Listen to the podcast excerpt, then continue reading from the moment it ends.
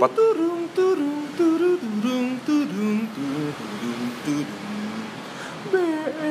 BS Tapi suaranya suara mobil. Tapi suaranya suara mobil Iya, ya. nggak apa-apa Suara motor gitu ya. gue sengaja bikin scoring opening biar punya ini biar berwarna lah podcast lu Podcast Best of the Best is back. Kembali eh, setelah lama tidak berjumpa, gue berduet lagi sama temen gue yang kalau lu dengerin Best of the Best part 2 dia ada dan kita masih mau ngelanjutin apa yang kita bahas di podcastnya Best of the Best part 2 tunggu sebelum lu masuk ke bahasan tadi lu bilang gue mau mengutip dulu kata-kata lu Iya, tadi. boleh, boleh. Aduh, sudah lama tidak bertemu bersua ya. bersua Ya.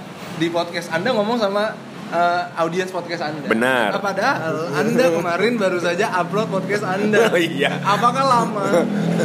Tapi kan hitungannya tapi kan hitungannya seminggu pak. Gue upload itu udah seminggu yang lalu. Baru upload lagi gue jadwalnya seminggu sekali. Padahal mah rekamannya besoknya setelah ini. Bersama teman gue kembali eh, tulus.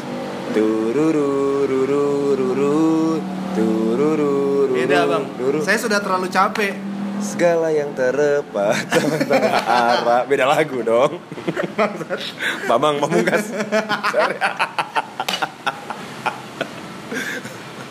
gue udah nyiapin itu pak. Lu Oh, iya. nya keburu kata gue aduh udah nyiapin ya udah.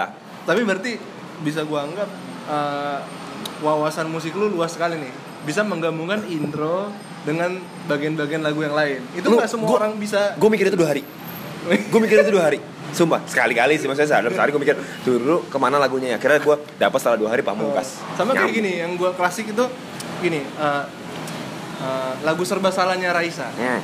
Sudah lupakan segala cerita Nah. Antara kita. Aku tak ingin, ku tak ingin, ku tak ingin kau terlupa Si Zolera ini Ke- keren ya. Tapi itu jauh sih.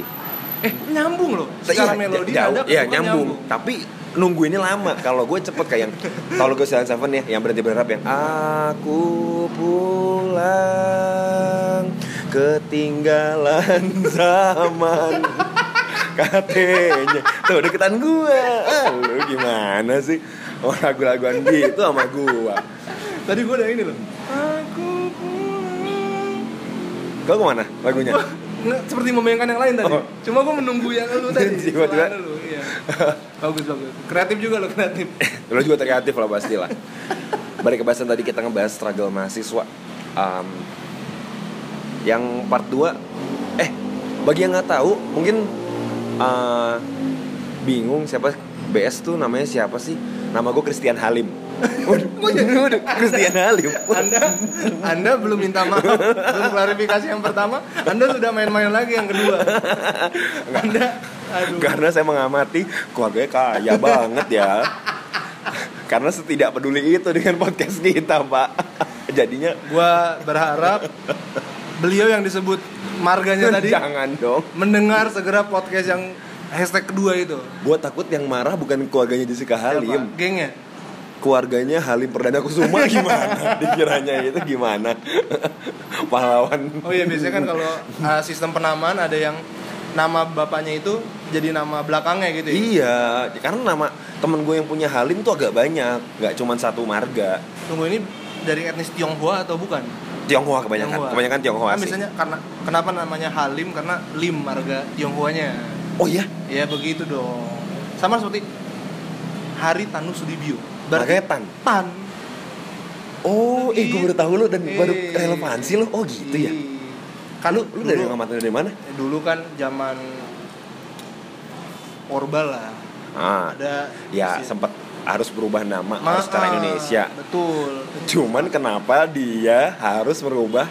Jadi gini, gue bingungnya gini. Ntar lu, gue udah dapet otak nih. Apa di otak dia ketika dia harus mengubah nama, Ah, ya? kan? Kalau dia punya marga hal, berarti Lim. Alim, Halim, Biasanya Lim, Tan, Li. ya. Nah, eh punya marga tol nggak sih di Cina? Kalau punya marga tol bingung nggak lu? Orang punya marga tol, nggak mungkin tol gitu kan disuruh ganti. Kamu ganti nama jadi tol, ganti nama. tol tol apa ya jadi mikirnya aneh gitu kan. Akhirnya dinamakanlah jadinya uh, tol bebas sambatan mungkin namanya gitu kan. Jadi namanya Rudi tol bebas sambatan kan bisa kan. Aduh aduh. Itu berat sih sebenarnya. Memahaminya harus agak jauh sebenarnya. Tapi tapi keren loh info lo kalau lo punya. I- itu iya fun juga. fact itu fun fact lah ya. Oh iya ya tapi nggak semuanya satu marga nggak sih eh. Maksudnya kayak gini kayak kita punya teman Erik kan si Erik Wilson Tanu Brata kan Ah. berarti kan berarti kan marganya Tan kan? Iya. Tapi di Jakarta marga Tan itu orang yang sangat ditakutin pak. Tunggu anda kenapa bisa bilang seperti itu? Emang anda punya bukti? Beberapa. Coba coba sebutkan paparkan nih supaya gue bisa percaya. By the way info aja buat lu yang nggak tahu. Ini kita ngalurin dulu ya baru nanti stop lagi. Anjing emang. Bagi lu yang nggak tahu ini lu harus buka Google Hah? lu harus baca 9 naga Jakarta. Sembilan naga Jakarta. 9 naga Oke. Jakarta itu yang konon katanya adalah orang-orang yang mengendalikan ekonomi Jakarta bahkan Indonesia. Jujur gue nggak tahu banyak tentang hal ini. Dia aduh maaf ya ini mah dibilang sebenarnya sih orang udah umum harusnya tahu ya. Apakah ini hal yang tabu? Tabu. Tabu, sebenarnya? Tabu karena mafia cuy. Oke gue harap kita di tempat tidak dikeker sniper dari apartemen di seberang tadi sana. sih saya ngerasa udah merah-merah di mata saya. Ah, saya tiba-tiba adus gitu. Tiba-tiba aku BS diam? Ternyata sudah tertembak dan tulus panik. Mau ke mana? Ini setelah panik. Nggak tahu kode iPhone gue kan lu masih kan? Nggak tahu, nggak tahu. tiba-tiba kelop apa yang lu harus lakuin? Coba nolongin gue Masalahnya kan buktinya di sini pak. Oh, buktinya iya. di sini. Jadi kalau anda tiba-tiba dead buktinya di sini. Nggak tapi nggak nggak lebih teman gue salut sama mereka semua ini sebelah naga adalah mereka adalah yang menggerakkan ekonomi Jakarta karena tanpa mereka jujur ya ada baik buruknya sih. Cuman tanpa mereka kayak bener pak ekonomi Indonesia itu eh, di- sorry kayaknya agak dikatrol sama dia agak dikatrol ya. Jadi mungkin 50% ekonomi Indonesia itu emang di tangan dia tangan mereka bersembilan. Ketika lo bilang itu di katrol berarti harusnya punya impact positif dong. Perekonomiannya jadi lebih bagus. Ya karena harus impact positifnya ke hartanya mereka pak. No Sa gini deh. Eh, tapi lu tahu sembilan naga ini nggak? Nggak tahu jujur Sama aja sekali. gua gua nggak tahu. Lu harus ini sih lu harus google. Setidaknya lu tahu aja biar nggak terlalu biar nggak terlalu menurut gue biar nggak terlalu apa ya polos otak lu sih. Lu harus tahu. Beneran pak. Karena si orang-orang ini punya track record sorry banget dia punya hotel. Dan hotelnya lumayan punya nama. Itu tapi ini ada positifnya dan negatifnya. Hmm. dulu kalau misalkan uh, salah satu dari mereka ini datang ke hotel dari ngelihat staff yang menurut dia nggak enak dia langsung bilang gue nggak melihat muka lu di tempat ini. Mau nggak mau dia kalau nggak keluar dia dikirim ke satu pulau.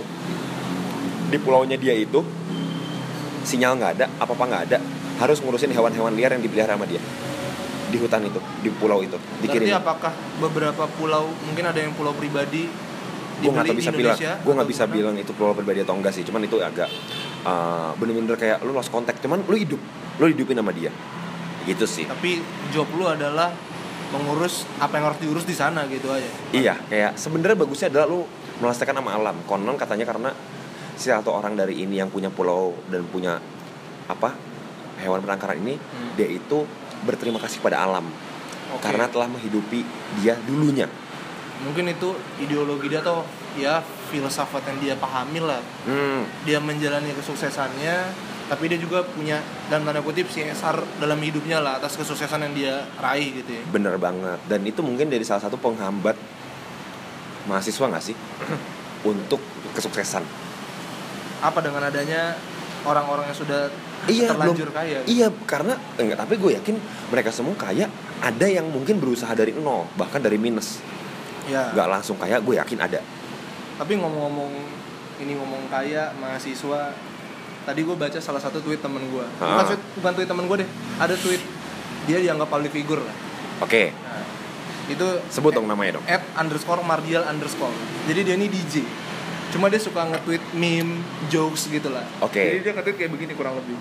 Eh, tadi gue habis baca buku motivasi bagaimana sukses di usia muda pas dia buka makin lama makin lama dia tahu back dia cari tahu background orang ini ternyata memang sudah ah, kaya dari bapaknya. Halaman ke-10 dia langsung tutup buku itu. Iya. tidak jadi baca. tidak ada gunanya. ternyata sukses di usia muda. Ternyata tidak langsung simpulkan aja sendiri. Itu Jessica Halim baru halaman pertama. eh nggak pertama, pendahuluan sudah kaya. Jadi pendahuluan sama saya Jessica Halim, bapak saya punya Setia Jayaban. Waduh, udah kaya. Jadi orang baru beli pendahuluan. Walaupun setebal 20 buku skripsi, udah lihat pendahuluan seperti itu langsung ditutup. Jujur gue jadi takut nih untuk ber, untuk menunggu lampu merah di simpang Keramat Raya. Kenapa emang? Tiba-tiba ada sniper, saya yang jadi tumbal ini. Jessica Halim nggak main sniper. Oke. Santet. Santet. Maafin, maafin, maafin. tapi sebenarnya gue nunggu responnya semoga Jessica Halim satu hari denger gue pengen respon tapi sumpah gue menjadikan dia inspirasi sih sebenarnya kalau tanpa dia gue nggak akan tahu lawakan gue nanti harus ada dia soalnya kalau nggak ada dia agak nggak nyambung lawakan gue nanti. Tapi yang belum tahu Jessica Halim siapa. Dengerin di part 2 dengerin BS FDBS part 2 lu akan tahu Jessica Halim secara kecilnya itu seperti apa. Lu akan tahu. Ngomong tentang kesuksesan lagi ke Oke. mahasiswa tadi kalau ngomong-ngomong om, cara apa? Cara Bertahan hidup sebagai bertahan mahasiswa. hidup sebagai eh enggak enggak enggak gitu. Maksud gue ya tadi yang buku yang dibaca sama temen lu itu Oh iya. Sukses di usia muda. nah, sukses di usia muda. Ya. gue pernah nemu buku cuman dua halaman cuy. Eh, itu halaman pertama dia nyeritain SD itu apa flyer atau apa? flyer anjing. Bolak balik dong. Dibagiin di angkot dong kalau di Bogor. Terus belakangnya ada angsuran motor ini iya kayak gitu tuh kalau di Bogor tuh. Dua halaman pak. Halaman pertama itu cover Halaman kedua? halaman keduanya ternyata dia digugurin sama ibunya. Digugurin. Jadi emang udah sukses aja. Jadi sukses masuk surga mungkin ya. Gue nggak tahu sih suksesnya. Itu patokannya apa ya nggak sih? Patokan itu apa? Bisa aja patokan orang itu sukses masuk surga. Ya nggak ada yang tahu. Ya nggak sih? Kok digugurin? Kenapa saya harus? Terus kalau digugurin lu tau cerita dari mana? Dia sukses di usia muda. Eh muda loh. Umur dia masih Muda. muda banget masih dua bulan atau sebulan dijanin udah digugurin eh muda lo jangan salah Masalah itu kan dia tidak punya kemerdekaan untuk menentukan. iya sih Secara tidak langsung dia kemerdekaan dia direnggut ketika dia digugurkan sebenarnya. tapi gue mengecam keras sih sebenarnya gue pengen ngata-ngatain orang sebenarnya gue termasuk orang yang gak setuju sama orang anak-anak muda yang menggugurkan eh, janin Hmm. di saat dia muda kenapa karena banyak orang termasuk salah satu orang terdekat gua pun masih membutuhkan maksudnya masih pengen dikaruniain Tuhan Oh, sesosok punya kerinduan ya, punya Kerin- kerinduan. iya pengen ya siapa sih maksud gua yang gak pengen punya ngomongan kan Betul, betul. lu nggak bisa waktu muda maaf nih buat orang-orang yang pernah sorry MBA atau lu menggugurkan janin ini sorry banget sih Hmm. menurut gua lu sama aja kayak mutus nyawa orang yang dititipin ke lu sih Betul. ya nggak sih pak Tapi enggak yang ah, ini yang mungkin ah, paradigma yang harus diubah juga gitu. Semua orang juga harus paham. Mungkin jangan selalu dari sisi perempuannya saja yang disalahkan. sisi laki-lakinya Iya. nah soalnya so- pasti nggak mungkin dong eh pasti nggak mungkin dong pasti orang tua dari laki-laki nggak mungkin dong menasehati nggak menasehatin dia. Nah, nggak ngasih advice atau saran Hmm. dia kan selama muda. Kamu jangan eh, jangan sampai masuk ke pergaulan bebas ya kan? Jangan kena drugs segala rupa. Jangan terlalu jangan terlalu liar lah. Ingetin ibadah. Ingetin ke Tuhan. Andai pun emang terpaksa melakukan seperti itu ingat motonya temen gue sih gue kalau gitu. udah geli angkat. Udah geli angkat? Iya supaya tidak telat ngangkat. katanya sih seperti itu jemurannya maksudnya gitu kok nggak kan basah iya betul betul. Ya kan? Tapi ngomong-ngomong tadi lu bilang advice orang tua. Ny- nyokap gue punya advice seputar tentang itu tadi pergaulan bebas. apa pak Gitu. Kau kan oh itu batak oh iya ya. batak batak Kau, batak batak ya. Kau kalau sama cewek jangan kau pegang-pegang dia. Nanti hamil. Logika lo nyampe tidak? Coba gue ulang kata-kata gue nah kata, itulah nah Jangan pegang. jangan pegang punya dia nanti hamil. Nanti hamil. Nah inilah cerita-cerita masyarakat bodoh di mana karena Indonesia itu butuh seks, edukasi menurut gua Nah, yang fungsinya mencegah biar anak-anaknya pas SMP SMA tidak terjadi atau tidak melakukan Hmm. hal-hal yang tidak diinginkan pak seperti hamil di luar nikah segala rupa karena menurut gua masih tabu sampai sekarang. Ah. orang Indonesia ngomongin sama secara simpel. Kalau ada anak kecil nanya pah mah dari aku dibuat dari mana? Lu tau nggak jawaban orang tua gue dulu apa setelah gue nanya? Apa? gue inget banget terngiang-ngiang di otak gue berarti waktu lu masih apa anak-anak atau remaja? Iya anak-anak. Gue bilang pengen waktu itu gue gue lupa mau usah minta ade atau mau mau, mau ade lagi dong. Iya. Emang dulu kit- uh, aku terbuat dari apa? Jawaban nyokap gue adalah kalau punya anak itu harus beli pil. Pilnya itu ada dua. Kalau laki-laki biru atau merah kalau cewek sebaliknya. Kalau nggak merah biru antara itulah. Nah belinya itu di toko terang. Lo tau toko terang nggak? Di Bogor stasiun maju dikit. Ah. itu toko paling legenda di, di Bogor. Sampai sekarang masih buka toko Apakah terang. yang ada Tamiya. apa itu toko obat sinse? Enggak dong. Itu tekstil Ah. fashion dan ada Tamiya di atas tuh. Satu-satunya tempat Tamiya di Bogor. Tempat Tamiya bener terkenalnya tuh kalau orang-orang gue dulu daerah situ main situ pasti main Tamiya pak Nah makanya kenapa obat itu cuma ada di toko Tamiya gitu? Apakah supaya apakah ketika pil me- pil merah itu artinya Sonic Saber? apakah Ya, pil biru, biru, Magnum- artinya Magnum Magnum. Cyber? Eh, makanya gue bingung kok bisa dari pil eh, berarti nah ini penjelasan gue yang dulu sempat sampai umur gue SMP sebelum dapat seks edukasi gue berpikir kalau manusia itu terlahir karena si si ibunya itu minum pil gitu dan jadilah seorang bayi di janinnya Tapi lu mungkin sampai sekarang ya sering lu udah dewasa, lu coba menelaah ucapan nyokap lu itu kenapa nyokap lu cerita seperti itu coba?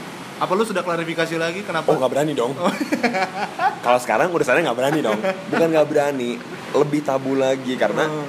secara dewasa gue udah pubertas udah puber dan udah ngalamin akil balik Hmm. Ya kan? Eh, nggak mungkin lah kalau seorang laki-laki apalagi barbar seperti gua itu tidak pernah mengerti bagaimana seks edukasi itu ya, eh, proses terjadi anak itu iya apa gitu. dan ya berhubungan dengan seks edukasinya itu sih. Ya sekarang sih kayak kayak ya udah tahu tahu tapi ya cukup tahu sih gue lebih lebih ke situ. Jadi gue gak setuju sih kalau perbuatan masa anak orang tua tuh harus ngasih tahu anaknya tuh tolonglah ngasih tahu ada satu film ada satu ada satu video gue suka deh sama Instagram ada satu video di mana si ibu itu ngajarin anaknya yang masih kecil 4 tahun lagu apa itu lagu? Tentang Apakah seks lagunya? edukasi. Lelaki pencerot lelaki. enggak yang yang wangian tempe gue tau gak lu? Lagu Oh, aduh nggak tahu Gue nggak pernah dengar. aduh itu ada itu itu barbar sih itu lagunya. Itu itu barbar tapi ini lagunya bagus. Jadi ada uh, uh, dia itu kayak nyebutin uh, gerakan-gerak apa bagian-bagian badan yang nggak boleh dan boleh disentuh. Tapi jadiin lagu sama dia. Oke. tangan kaki kepala itu yang boleh disentuh yang tidak tertutup oleh pakaian. Oh, intinya intisari lagu itu seperti itu. iya. Nah kalau misalkan yang tidak tertutup pakaian itu nggak boleh disentuh. Tapi dia jadiin lagu bagus banget. Hmm. Gue kepikiran dong. Kalau dia si ibu itu menyanyikan anaknya kebetulan suku dia Eskimo. Eskimo kan Antartika. Kutub maksudnya.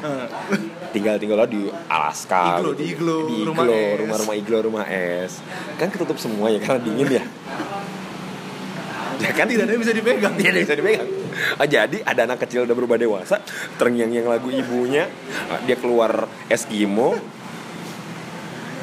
Menuju ke peradaban yang baru. menuju peradaban yang baru dia akan bingung pada orang yang Pinggir pantai. pinggir pantai pada Teletubbies semua dipeluk Teletubbies itu semua dipeluk. Itu hamil Karena, karena semuanya padang terbuka ya. Padang terbuka. Makanya itu.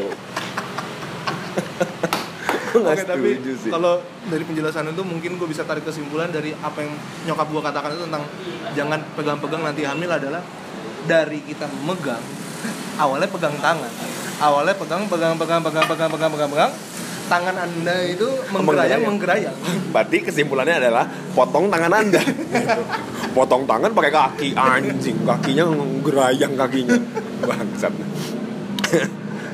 Berarti salah sih lagunya. Jangan pegang-pegang harusnya eh, jangan menyentuh lawan jenis secara tidak wajar. Secara emang tidak wajar gimana sih Iya juga. terlalu subjektif kalau, ya. kalau tidak wajar Terlalu gimana sih subjektif. dan tentatif sekali itu iya makanya agak panjang ya kita kita malah nggak nggak ada sambungan tapi terkait tadi tentang seks edukasi ataupun konteksnya seks Eh, bebas tapi ini hubungannya sama masalah mahasiswa karena Iya. masalah mahasiswa khususnya lu ya Hmm. yang di luar-luar kota gitu Hmm. menurut gua eh, banyak yang menjadikan ini adalah pelampiasan saat dia di luar kota pak jadi karena dia di dalam kota atau di rumahnya ini harus tinggal sama orang tuanya dan segala rupa pada saat dia di luar dia eh, jauh dari kekangan iya keluar dari kan kayak kayak burung yang keluar dari sangkarnya jadi dia melakukan hal yang aja burung yang keluar dari sangkarnya itu Iya. aja sudah filosofis kalimatnya Iya, maksudnya kayak orang di penjara pas keluar bebas dong. Ah, nah, iya. si burung itu barbar. Oh ya, burung. burungnya itu barbar, matok sana, matok sini. sulit dikontrol ya sulit Nah, dikontrol itu yang mungkin eh, terjadilah kayak hamil di luar nikah mungkin. Nah, itu kayak pasti mahasiswa pun mengalami apa ya? Down pada gitu. Oh, anjir. Down lah jelas. Kalau pacaran kayak gitu ya gue sih apa ya nggak menurut gue nggak semudah itu sih lu lu pacaran yang bener lah yang bener sih menurut gue pasti kalau lu semua yang di luar kota punya pacar di SM eh punya pacar nih sama satu kamp satu jurusan satu kampus. Nih yang dengerin nih lagi lagi peluk- pelukan sama pacar ya cukup pelukan aja dong. Ah, jangan tangannya langsung mulai meluk yang lain dong. Ya iya sebenarnya hal itu juga kita nggak bisa sepenuhnya bisa pegang kontrol. Sebenarnya di mana ada kesempatan biasanya di situ ada kesempitan. Di mana ada kesempatan? Di situ ada kesempitan. oh gue kira ada dana Iya dong. umum. Iya dong. Apa? Ada dana umum. Dana umum kan ada kesempatan dana umum ya kan? Oh gue kira kesempitan. Gue kira dana umum. Ayo apakah anak zaman sekarang paham kesempatan dan dana umum? Dana umum yang gue cari adalah bebas penjara. Dijual lumayan mahal itu dijual. Anda ketika dikenain denda untuk membayar hipotek dari rumah-rumah yang anda beli Anjing, di hipotek. Australia di Brazil. Dan pasti lu ngincar Afrika kan kalau grup H kan. Dan lu gak mau ngincar Indonesia kan yang kelompok grup yang Yang gang murah. A, yang Karena- gang A ya. bukan kocok dadu satu. Iya. nah itu Indonesia tuh paling murah. BT tuh kocok dadu harus 6 6 tuh 6 wah lewat lagi lo bebas parkir juara bebas parkir. Ke mana pun anda bisa gila kangen. Gue kangen mainan monopoli Iya. sebenarnya nggak cuma monopoli sih mainan-mainan yang klasik lah. Tapi- kadang-kadang juga dirindukan. Bener. Dan itu bikin anak khususnya anak-anak muda yang mungkin nggak tahu ya masih ngerasain yang main monopoli yang masih kuliah sekarang nggak tahu ya masih kenal monopoli atau enggak ya. Ya sebenarnya sekarang pun main monopoli bisa dari layar gawai kita juga. Lebih ke ya lainnya cuman nggak asik cuy. Udah udah beda bisa sih sensasinya. Sensasi beda. Kalau lu bisa main yang secara manual yang kayak monopoli monopoli Ada yang- alatnya lah, ada ada alatnya. alatnya dadunya ada kartunya duit duitnya Hmm. lu kan sebenarnya lu lu kayak melatih ilmu lu yang bank bisa ngelatih jadi kasir betul ya betul sih? secara nggak langsung belajar ilmu-ilmu Iya, yang main belajar jatuhin lawan kayak sebenarnya tuh nggak sengaja tuh dia tuh ngajarin ngejarin ini gak sih kayak lu harus nguasain daerah ini, Ah. ngajar daerah ini, udah kuasain dia nih, gimana caranya ya biar daerah gua apakah belajar menjadi mafia Iya, bisa kan gitu. Ngajarin sebenarnya.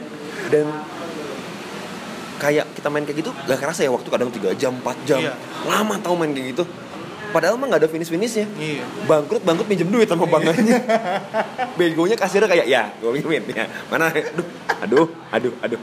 Tolong dong dibantu. yang bagi anda yang dulu nama, eh, nggak, gue bingung dah tapi ketika jangan sampai ada orang maksud gue gini jangan sampai ada orang pada saat lu lulus kuliah lu nulis CV riwayat pekerjaan jadi bank monopoli. Pernah jadi bekerja di mana? Bank monopoli. Hmm, tapi jangan diragukan kemampuan meng- mengelola uang monopoli itu juga kalau mainnya serius banget itu butuh konsentrasi pak. Iya sih. Iya ketika bosan main mon- monopoli anda tinggal balik papannya? Anda main ular ular tangga. ular tangga. Ular tangga. Itu masih legend banget sih legend banget tuh. Ular tangga sampingnya. Terus kadang kalau saking bosan ular tangga karena tangga naik ular turun jadi di- ditukar ularnya naik. Tangganya turun. Iya nggak sih? Dan kenapa harus ular tangga coba? Kenapa harus ular tangga? Apa karena identik dengan ular dan tangga gitu ya maksudnya? Kenapa menurut tangga gitu loh? Kenapa tangga? Kenapa nggak kenapa nggak eskalator? Iya. kenapa nggak lift? Kurang nendang pak. Iya sih. Kenapa nggak baji jumping langsung juara gitu. Sebenarnya kalau nggak udah gini dah udah bingung bridgingnya apa sebenarnya apa tapi Nah, itu kembali lagi ke yang tadi lah tentang eh, bagaimana kita mengelola kehidupan kita waktu lagi merantau juga. Struggling itu nggak cuma gimana kita secara materi bertahan hidup, Tapi lu sebagai- hmm. secara eh, apa ya beradaptasi di lingkungan juga. Memang di lingkungan kita ada aja orang-orang yang mungkin gak sesuai dengan apa yang kita pikirkan gitu. Lah, kok dia kayak begitu sih? Lah, kok dia kayak begitu sih? Sama seperti yang gue alami eh, ya berkuliah di perguruan tinggi negeri itu mungkin asumsi orang-orang kan wah orang pinter-pinter nih masuk negeri karena masuk kayak lewat jalur raport nilai bagus baru masuk negeri jalur tulis belajar yang rajin passing grade lolos baru masuk negeri. Di situ kan ada kepintaran yang terukur akhirnya lolos. Tapi pas di dalam Hmm, pas dalam? pas kuliah Hmm? kita kerja kelompok gitu. Yang gue alami sih waktu gue kerja kelompok mungkin ada beberapa orang yang uh, waktu kita kerja kelompok kok kerjanya nggak sesuai dengan ekspektasi kita. Kemudian di pikiran gue pada saat itu gue langsung wah mikirnya ini orang kok bisa kayak gini ya? Jahat banget sih sebenarnya pikiran gue begitu karena nggak semua orang sama gitu. Cuma kan prosedur masuk negeri ya kayak begitu. Kenapa dia kayak begitu habitnya? Apakah dia memang tidak betah kuliah atau gimana gitu? Ya, sebelum cuma- jauh ke situ ke kelompok menurut gue lo harus nilai dulu orang-orang pasti lo punya deh temen yang kuliah di lu kuliah di kampus lo pasti cuma bentar Iya. Jadi baru satu semester. Ada ada ada. Dia kuliah baru dua bulan tiba-tiba udah hilang. Ada. Tiga bulan udah hilang. Oh ada. Itu diculik Soeharto itu. Anda jangan sampai hilang anda jangan sampai hilang anda besok. Tolong ya ini rekaman ini menjadi bukti BS masih hadir ya. Sampai sebelum besok. Sebelum besok anjing. Tapi kenapa ada temen gue yang baru dua bulan tiga bulan hilang pak. Dibilangnya adalah gue nggak passion di sini. Lah buat apa lu daftar tapi setelah dia keluar dan dia masuk kalau nggak salah dia dia harapkan gitu? Iya dan dia ambil jurusan dia seni artistik. Jauh dong seni artistik ke perhotelan kan. Antara lu eh, acak-acakan dengan lu yang rapi banget kan sangat bertolak belakang. Dia wah lebih lebih kacau pak. Lebih ketahuan banget. Dan dia karena dia tahu gua dia desain jago seninya. Hmm. setiap gua mau bikin poster segala rupa gue minta tolong ke dia pak karena keren banget minta pak. tolong ini minta tolong oh sorry. bayar kalau gue minta tolong bayar bayar bayar bayar bayar bayar jasa apa kan gue nggak gue nggak mau orang yang punya kemampuan tapi nah ini ini pak itu buat sering lu. terjadi. Bahkan di kampus pun ada oknum-oknum yang seperti itu. Gue di kampus karena gue dulu stand up komedian Bogor kan. Hmm.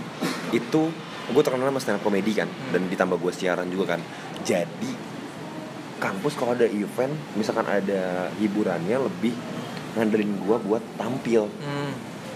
pak mikir stand up komedi itu susah pak. Materi materi kita jadi talent lah. Iya. Tapi dibayar diapresiasi atau apa? Boro mending boro oh itu mau cuman sekali dua kali doang. Setelah itu gue mikir kayak anjing gue buat materi 7 menit aja itu butuh waktu 2 tahun. 2 tahun. Setahun dua tahun karena lah memang lebih. materi stand up ini harus orisinil ya Iya kan? Iya nggak boleh niru segala rupa kan jadi lu buat andai pun udah buat jadi walaupun cuma enam bulan belum tentu rapi belum tentu penyampaiannya bagus diubah lagi udah bagus semuanya ini belum tentu cara gerak lu menjelaskan ke penonton bagus Hmm. semua itu harus diperhatikan nah itu yang ngebuat gue kayak orang Indonesia tuh harus dilatih sih cara-cara dia Mindset. mindsetnya untuk misalkan kalau pekerja kreatif ini harus diapresiasi bener banget gue berapa kali nge-MC di gereja nge-MC di mana awalnya gue mikir kayak oke gue nge-MC Hmm. tapi biar gue biar orang-orang yang nonton tahu Hmm. kalau ada MC gue jadi one day kalau mereka punya acara bisa hire gue bisa make gue Iya. make enak tuh cuman Cuman? mereka semua anggapannya adalah ini kan pekerjaan buat Tuhan ini kan buat sesama es Iya. buat satu komunitas lu nggak seperti itu jalan pikirnya lu nggak mengalami seperti apa yang udah gua usahain gua lu ngelihatnya guanya ngomongnya enak nadanya teratur kayak gini Hmm. itu latihannya lama Hmm. pak ya sepelayanan pelayanannya orang di gereja tapi menurut gua ketika mungkin udah di level profesional harus ada apresiasi sih bener ini yang bisa bikin menghambat orang-orang yang punya talent. Khusus Hmm. talenta khususnya lu yang punya kuliah nih. Apa pun talenta lu ini yang menghambat Hmm. pak. Bahasa-bahasa ya elah lu sama temen kayak gini amat. Ya atau kalau elah. misalnya di lingkup gereja ya namanya juga pelayanan. Nah, gini gini gini teman-teman. Mm-mm. sepelayanan pelayanannya tapi dia mungkin sudah di level profesional. Ya kalau memang kita juga punya itikat buat mengapresiasi orang itu tapi kita kan nggak tahu tiba-tiba mungkin orang itu ah enggak lah nggak apa-apa gua makasih udah diundang ke acara ini. Kan bisa jadi terjadi seperti itu kan? Nggak ada yang Iya, tahu. iya. mungkin emang nggak itu one in a million lah mungkin ya. Bener. nggak mungkin sepenuhnya bakal terjadi gitu. Tapi kan ada kemungkinan seperti itu. Ketika pekerja seni atau apa pun itu ketika talentnya dihargai lu memberikan sebuah apresiasi. Dan ternyata mungkin orang itu menganggap oh enggak kok. Gue udah seneng gue diajak buat terlibat di acara ini. Itu ya dia pun otomatis mungkin minta nggak dibayar gitu padahal kita udah niat untuk mengapresiasi kan gitu. Iya.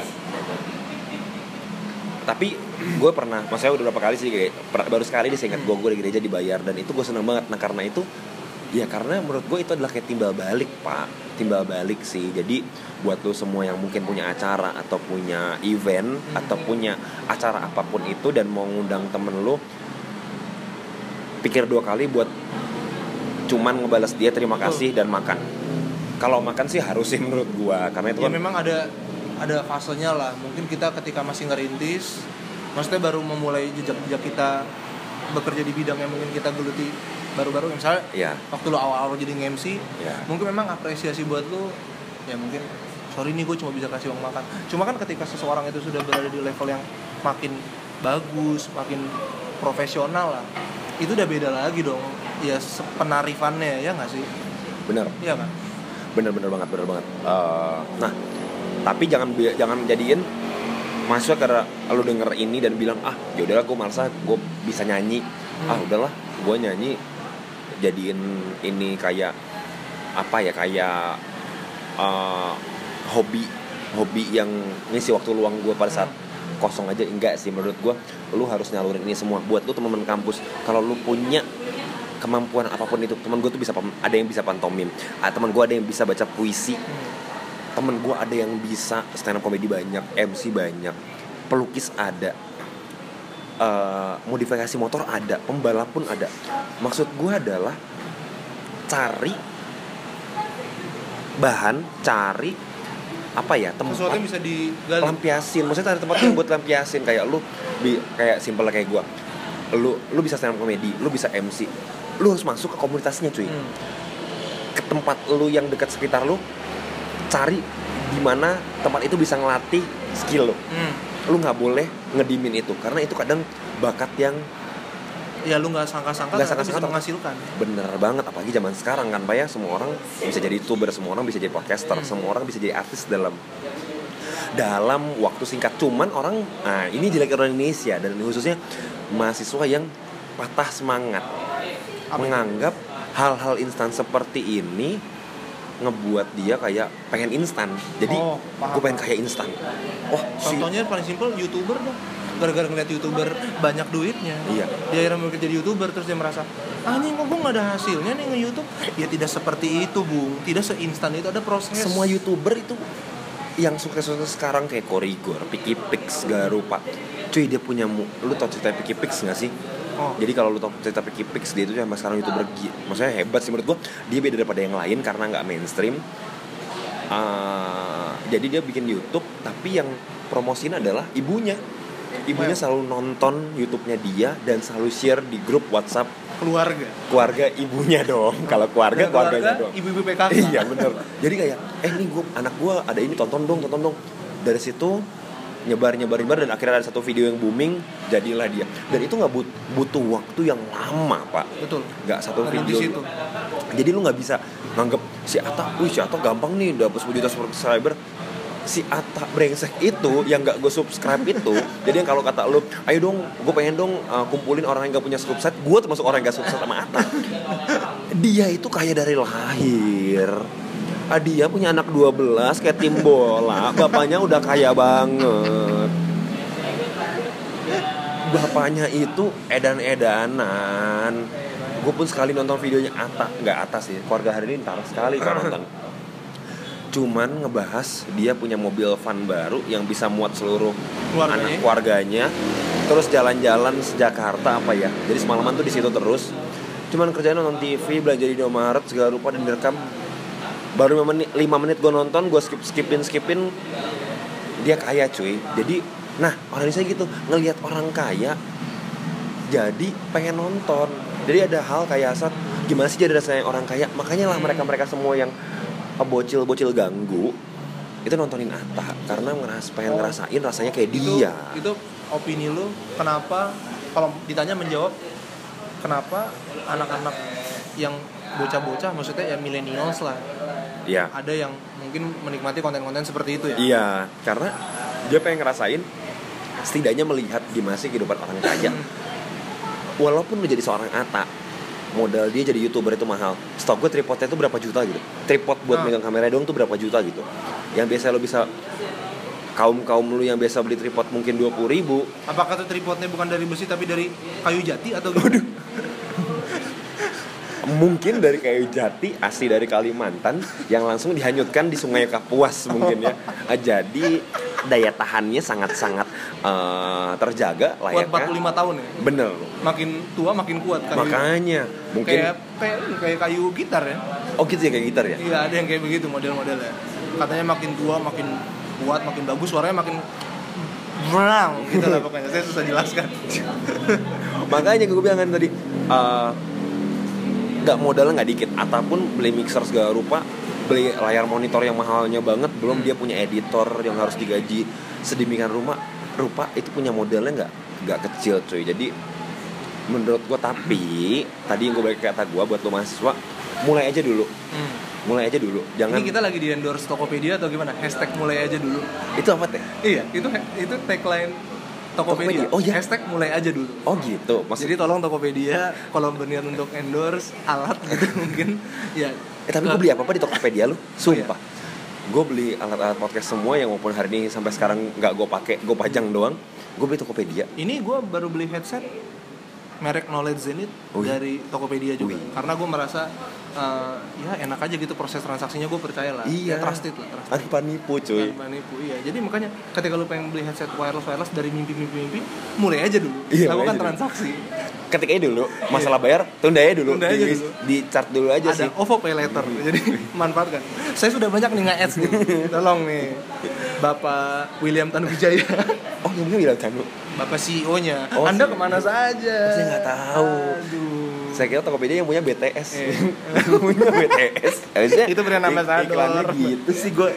Tolong Amelia Ruby teman SMP kami yang bekerja di Oh, dia- Tokopedia. Serius? Iya, eh, dia lu tau nama kecil Amelia Ruby ya? Hah? Nama kecilnya. Dia Hagis, Hagis. Loh, kok lu tau sih Eh, Agis? tahu dia kan panggil dia waktu kita SMP tempat mensilnya ada tulisan Hagis. Itu panggilan Iya, dia. Agis, Agis itu. Agis. Jadi gue gue tuh Ribu- Ruby itu kenal gue kenal sama dia gue sejemputan sama dia Hmm. dari SD kelas 1 atau kelas 2 Sumpah, gue nggak bohong. Sampai kelas 3 gue masih inget kakak-kakaknya kayak gimana. Gue masih tahu Hmm. kenal kakaknya. Hmm. Terus agak lost kontak di SMP. Tapi kalau ketemu nyapa, orangnya kecil, Mungkin kalau tiba-tiba imut, ketemu tiba-tiba suddenly gitu. Kok tiba-tiba suddenly Anda ketemu dia, pasti dia tetap menegur Anda. pasti Ruby. Oh dia kerja di Tokopedia ya? Ini Tokopedia. Oh. Jadi buat Amel mungkin selip-selip lah informasi Amel, nih. Mel, jadi apa Mel? Jadi apa sih Amel? Eh, kalau nggak salah, gue lihat dia bagian kreatifnya gitu, desain, graphic design. Ih keren. Gue kira dia jadi lambang ujung Tokopedia tau gak lu? Yang kotak itu. Gitu Jadi dia datang, oke, udah siap standby udah kamu standby di dia duduk ngotak aja gini, ngotak kerja. gitu. Nggak panjang gitu. ngotak jadi. jadi kotak di Tokopedia yang aduh. Nah, Oh. balik lagi ke yang tadi nih tentang menggali talent-talent yang kita punya supaya bisa bertahan hidup waktu kuliah. Bisa jadi itu menghasilkan duit. Itu yang harus dicamkan sama teman-teman yang buat kuliah karena salah satu hal yang gue sesali salah satu hal yang gue sesali waktu kuliah adalah ada eh, bakat-bakat yang sebenarnya bisa gue gali, gue punya kemampuan bisa gue gali untuk bisa menghasilkan. Karena gue punya teman-teman yang gitu juga menghasilkan sesuatu menghasilkan jadi duit. Sayang banget kalau nggak digali. Contohnya apa? Eh gua eh, aduh nggak nggak gua nggak sombong ya. Aduh kalau gini artinya gua sombong ya. Salah banget. okay. salah banget. Gua gua gua suka nyanyi. Gua belajar main alat musik juga belajar main gitar belajar main piano gitu kan terus gue ikut komunitas musik di kampus gua. Kenal dong sama teman-teman gue yang juga suka, suka main musik gitu kan. Nah adalah temen gue ternyata punya eh, dia emang suka reguleran gitu di acara weddingan. Satu waktu gue diajak nyanyi dibayar Eh, jadi duit lumayan tuh uang jajan. Terus akhirnya ingat ya bayarin lu berapa wedding waktu itu? Empat ratus ribu. Berapa jam dua jam. Uh gede coy. Saya hanya nyanyi. Gedean gua sih gedean, gedean lu. Eh terusin aja dulu. Nah, terus? gue sombong gue nanti abis ini sambung gue Oh. biar Terus, terpacu mas gara-gara itu juga eh, kemudian diajak lagi lah sama teman gue karena kebetulan butuh lagi yang nyanyi kan. Gue juga ajak teman gue yang ada teman eh, di komunitas musik gue yang perempuan gue ajak juga jadi biar bareng gitu kan. Akhirnya bagi dua dong dua ribu dong. Oh, enggak. Enggak. Pas 50 pas 50 wih naik go iya dong kan karena eh, reguleran dia ini makin makin bagus lah nah kalau Ininya. kenapa lu nggak kepikiran lu jadi Hudson? Setengah cewek setengah cowok sembilan ratus ribu lu. Ya bisa nyam bisa tinggal modal nyanyi nyamping. Itu butuh butuh bakat pak Iya. seperti itu. Bener sih saya kan bener. sadar kemampuan saya sebatasnya apa. Tapi bukan artinya ketika kita tahu batasnya di mana itu artinya limit kita ya. Kalau kata Walt Disney ya kok jadi Walt Disney? Nggak ada nyambung nyambungnya deh. Soalnya seseorang yang bilang ya kalau kita pasang itu Walt Disney itu Walt Disney. Enggak Walt Ini- Disney itu oh, oke. uh, if you can dream it you can do it gitulah jadi lu kalau bisa lu mau mimpi lu ngambil duit gitu. Enggak gitu. Nggak gitu gitu. Ketika lu bisa memimpikannya lu bisa melakukannya. Oh oke. tapi ini bukan kayak gitu maksudnya ketika lo punya target punya mimpi ya lu taruh yang paling tinggi gitu. Lu jangan takut bermimpi tinggi tinggi gitu. klasik banget sih kata-katanya cuma bener sih orang semua bilang eh mimpi tinggi tinggi dulu aja. Tapi kadang nanti kalau jatuh sakit. Ya iya obatin cuy. Iya. nggak semua orang naik ke atas itu langsung berhasil. Betul. nggak semua orang panjat pinang aja buat dapetin sepeda poligon di atas. Harus nginjek-nginjek temen ya. Iya nginjek nginjek dulu ya kan? Udah ketahuan cara kerjanya nginjek nginjek ya kan? Nginjek bawah nginjek bawah naik ke atas ya kan? Aduh. Sampai sempet gue nonton panjat pinang ini di uh, pagelaran 17-an eh di kampung di, lu. gue masih banyak di gue masih panjat pinang masih masih ada cuy. Oh. jadi sampai kalau boleh tahu nih uh, prize pool acara ini paling puncaknya apa tuh hadiahnya? Sepeda oh, poligon sepeda poligon.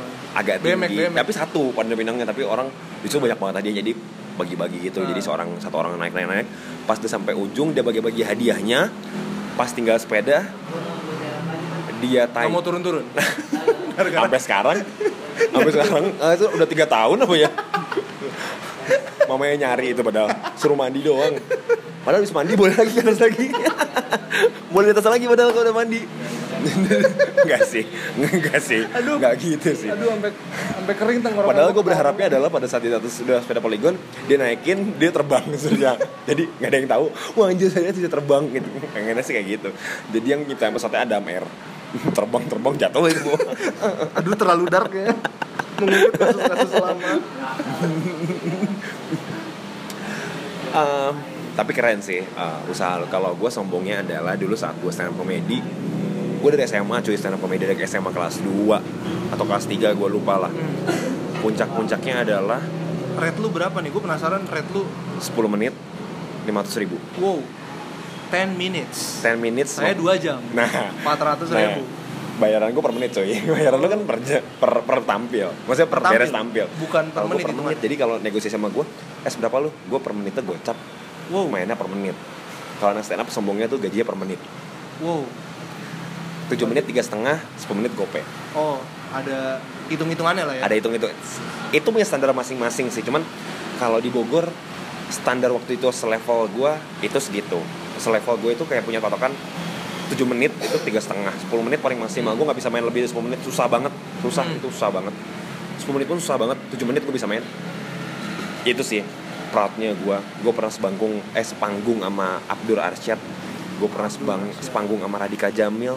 Sepanggung sama satu lagi gue lupa siapa Terus tapi itu semacam jadi opening act-nya gitu ya? Opening act dia. Iya. di waktu itu KFC itu ngeluarin jagoannya komik Ah. KFC touring tour tour ke kota-kota. Oh, iya. kebetulan waktu itu ke Bogor ke Kujang dan stand up Indo Bogor tuh memutus dua orang.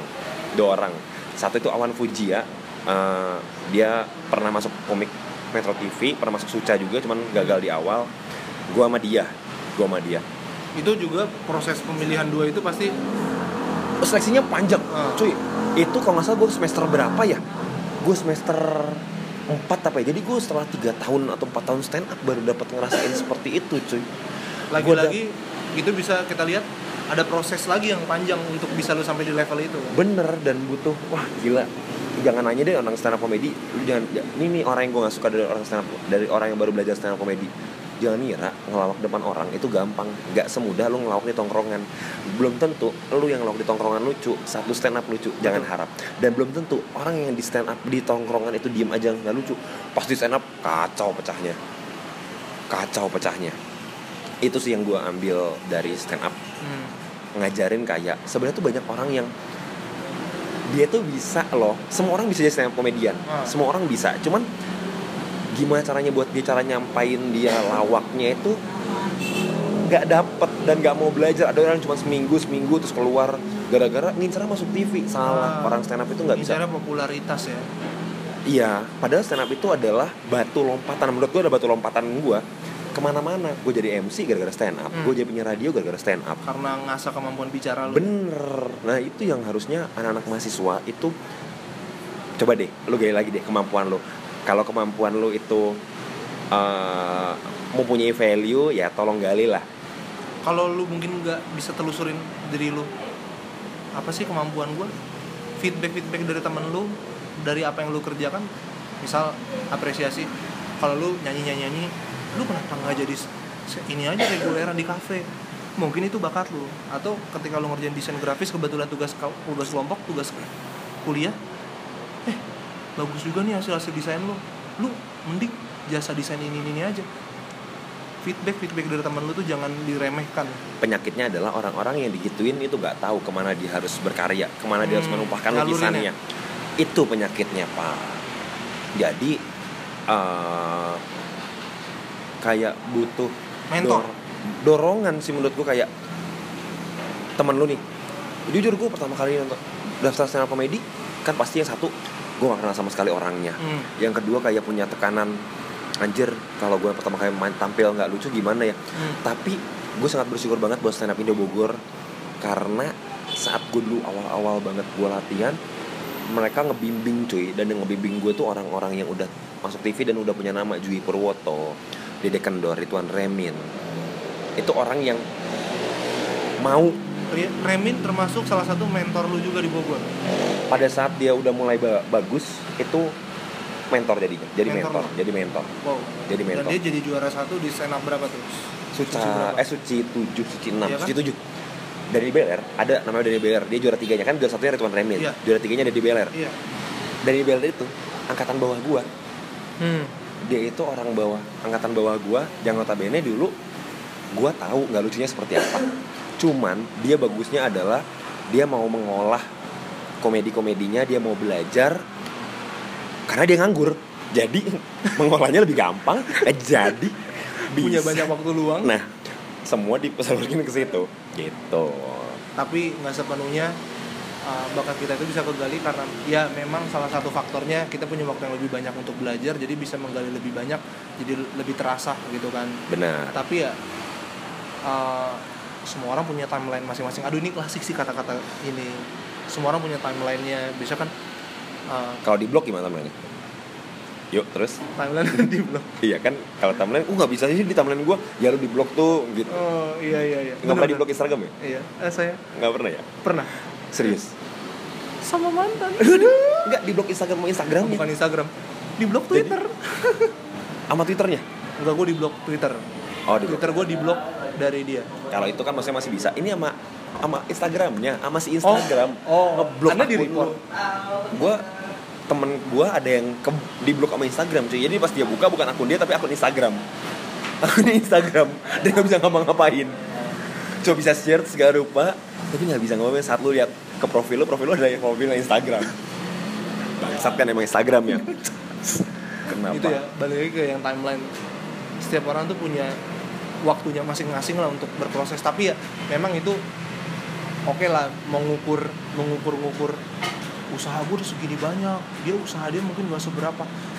Lagi-lagi kita tuh nggak bisa sepenuhnya tahu bagaimana proses yang dijalani. Oke lo, lo bilang ngukurnya pakai waktu tapi kualitas proses yang dia jalani itu seperti apa? Yang kita jalani seperti apa? Yang orang lain jalani itu seperti apa? Balik lagi kayak gitu. Bener jadi menurut gua kesimpulan dari uh, podcast ini kalau nyambungnya adalah uh, nyambungnya adalah mungkin tadi udah gue bilang menggali potensi bakat lu Ah. harus ada sih lu harus apa pun itu.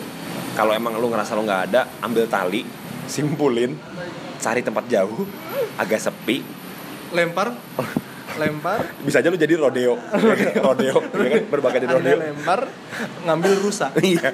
Wah eh, anda menemukan bakat di situ udah bakat anda rodeo atau bakat anda mengambil rusak? Langsung anda segera berangkat ke Texas. Iya. untuk atau anda ambil tali anda simpulkan anda gabung dengan gugus pramuka setempat. Mungkin anda menjadi penerus Lord Badan Powell. Iya. Bapak Pramuka. Iya bawa pramuka. Jadi anda mungkin bakat anda di persami ya. Iya. nggak ada di kampus. Dan anda akan rutin pergi ke Buperta Cibubur bertaji untuk bubur jadi guru pramuka. Eh tapi teman gua ada loh. Di, di serius ini pramuka. Tuh teman gua ada. Itu udah kayak jenderal kali. Eh, di pramuka pangkat udah kayak Oh, pangkat- jenderal. pangkat di pramukanya. gua nganggap dia jenderal aja sih pak. Karena dia tuh udah udah sampai pembina pendamping Hmm. sampai naik naik sampai dia akhirnya itu jadi kalau misalnya ada acara di Buperta Hmm? dia itu udah sampai ngisi acaranya pak maksudnya udah sampai Oh. ngasih mentoring kayak atau mentoring. pembicara itu udah jenderal banget sih menurut gua dari cerita dia wah jenderal oh salah satu yang di orang respect sama dia misalnya ketemu siap Nen gitu ya Iya kayak gitu. Jadi kalau dia pakai baju, isunya rencananya banyak banget ya? rencananya isunya pangkat semua. Tapi dia kalah satu sama sa- kalah sama satu sih. Apa? Sama jaket Grab. jaket Grab kan pindah banyak kalah lu. Jadi lu harus lu harus ber berpanutan sama jaket Grab karena dia lebih tunggu emang jaketnya pada pin-pinnya Ih, di Bogor mah semakin banyak klub band semakin senior. Wow. Dia gitu. Wow. Jadi pin Jakarta nih. Barat, Timur, Utara, Selatan, semua udah itu Bogor maksudnya semua. apa ini pin Kayak lu sudah menaklukkan Ah, Bogor kayak- Utara lu sudah melakukan Bogor udah, Selatan udah ke sini lo udah ini jadi patokannya Grab itu dulu itu pakai jaketnya pin jadi banyak banget pinnya kayak Oh. anjir kalau udah selalu wah senior udah itu jadi kalau apabila order itu tiba-tiba ada yang order ternyata order dari ujung kulon dan dia berani mengantarkan paket ke ujung kulon apakah dia akan dapat lencana badak berjula satu? Rencana badak wajah satu. Bukan rencana badak wajah satu sebenarnya dapatnya rencananya uh, lah segar. Lah segar jadi segar di mulut. Thank you go best best God bless